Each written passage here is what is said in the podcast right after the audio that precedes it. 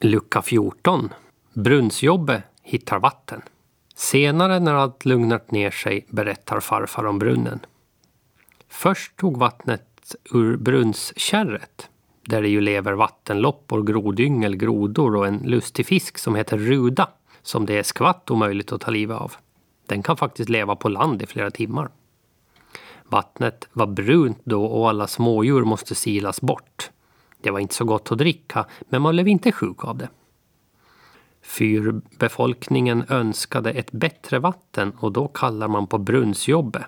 Han börjar gå fram och tillbaka över bergen med en slagruta, en grenklyka som ska böja sig där det finns en vattenåder nere i berget.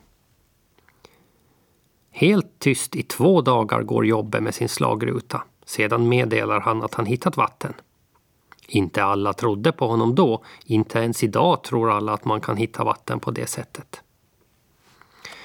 Jobbe far till Eckerö för att hämta sin kompis, hantlangaren Kalle. Han är stark som brännvin, sägs det. Kararna borrar och spränger. Snart nog rinner det vatten ur en glipa i berget. Sedan skaffas ett lock till brunnen, ett stenblock som väger fem ton. Mitt i det borras ett hål och med hjälp av starka linor och starka karar, kvinnor och barn, alla måste hjälpa till, dras locket på plats. Det tar flera timmar. Det är ett otroligt tungt arbete. Ovanpå det snickras ett trelock för hålet. Det är under det locket ni kikade idag, era dumhuvuden.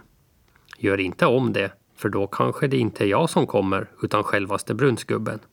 Farfar håller på att bli ilsken igen bara vid tanken på vad som hände vid brunnen tidigare på dagen.